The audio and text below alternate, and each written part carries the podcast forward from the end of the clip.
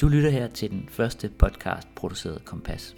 Vi håber på at skulle udgive rigtig, rigtig mange, men i sidste ende, ja, der er det jo op til dig, lytter, om det er interessant nok, det vi har at fortælle.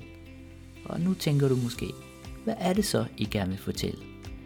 Vi brænder for undervisning og læring, og hele tiden set ind i et teknologisk perspektiv.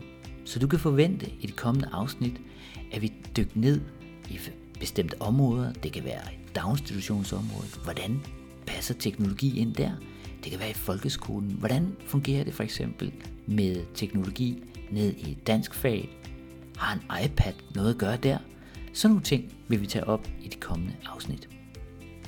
Inden vi når dertil, ja, så var vores første udfordring, hvordan laver man en podcast? Altså, hvordan producerer man den? For vi havde valgt, at vi ville kun arbejde med meget simpelt udstyr. Vi valgte en iPad, så alt skulle kunne klares på den her iPad.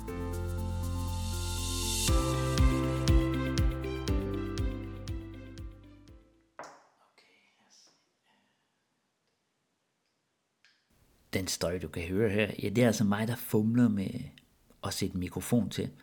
Fordi godt nok vil vi lave det meget lavpraktisk, den her podcast, men vi vil alligevel have en god lyd.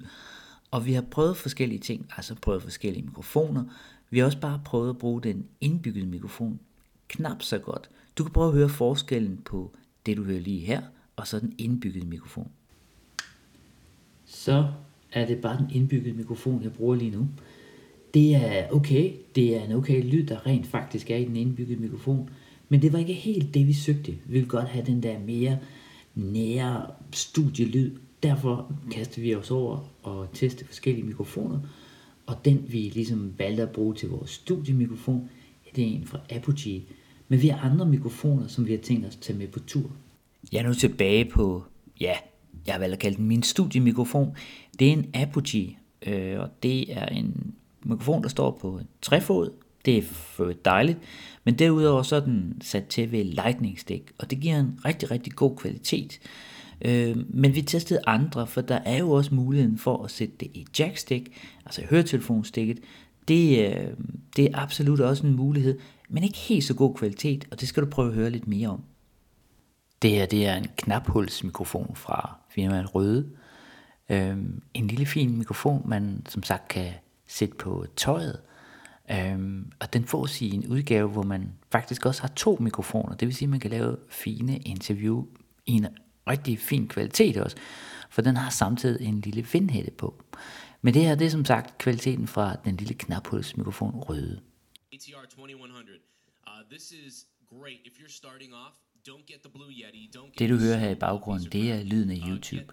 For vi gjorde jo nok, som de fleste vil gøre. Vi begyndte at søge råd på nettet, og YouTube, ja, det var der vi søgte. Og der er rigtig mange meninger om den her sag, om hvilken en man i hvert fald ikke skal købe, og hvad for en, der er den rigtig, rigtig gode mikrofon. Det vi fandt ud af, det er nok ikke så meget mikrofonen, for køber du en af en ordentlig kvalitet, du kan typisk kende det på prisen, ja, så handler det mere om, hvordan du optager, end den egentlige mikrofon.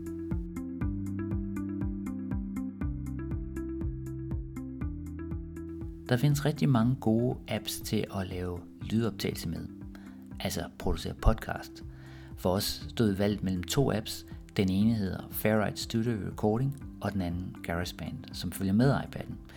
Den første, Fairlight, er en meget let tilgængelig app, utrolig intuitiv at arbejde med.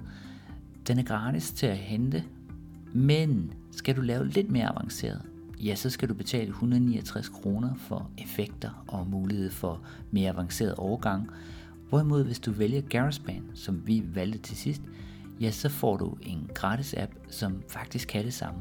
Så vores hjemmestudie er klar, mikrofonen er på plads, appen er valgt, men hvordan søren får vi det udgivet?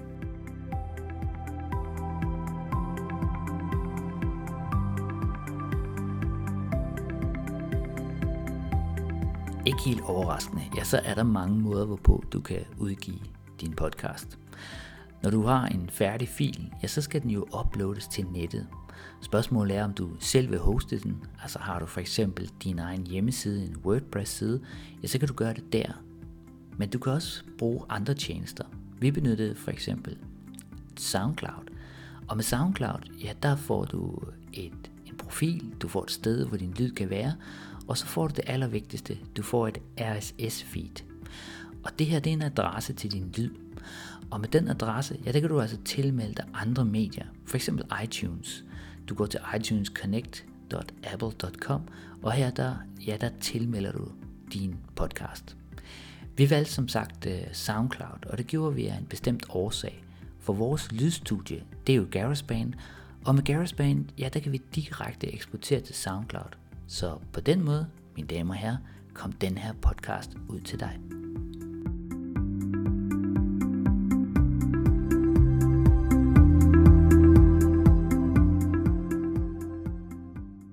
Tak til Lars for denne fine gennemgang af det basale setup for en god podcastproduktion. Vi hørte, hvordan man kan sikre, at man får den bedste lyd, hvilke værktøjer man har til at redigere sin podcast med, og et, øh, et flow til at få sin podcast ud til lytterne. Og nu vi taler om lyttere, så øh, håber vi, at I har nyt denne første episode af vores podcast, og der er rigtig mange flere i vente. Så abonner på den og del den gerne. Og vi kan allerede nu afsløre, at øh, i næste episode, der skal vi en tur på museum. Vi skal se, hvordan en helt almindelig skoleklasse arbejder som kulturformidlere på det lokale museum. Men indtil da, så må I nyde foråret. Mange tak for denne gang.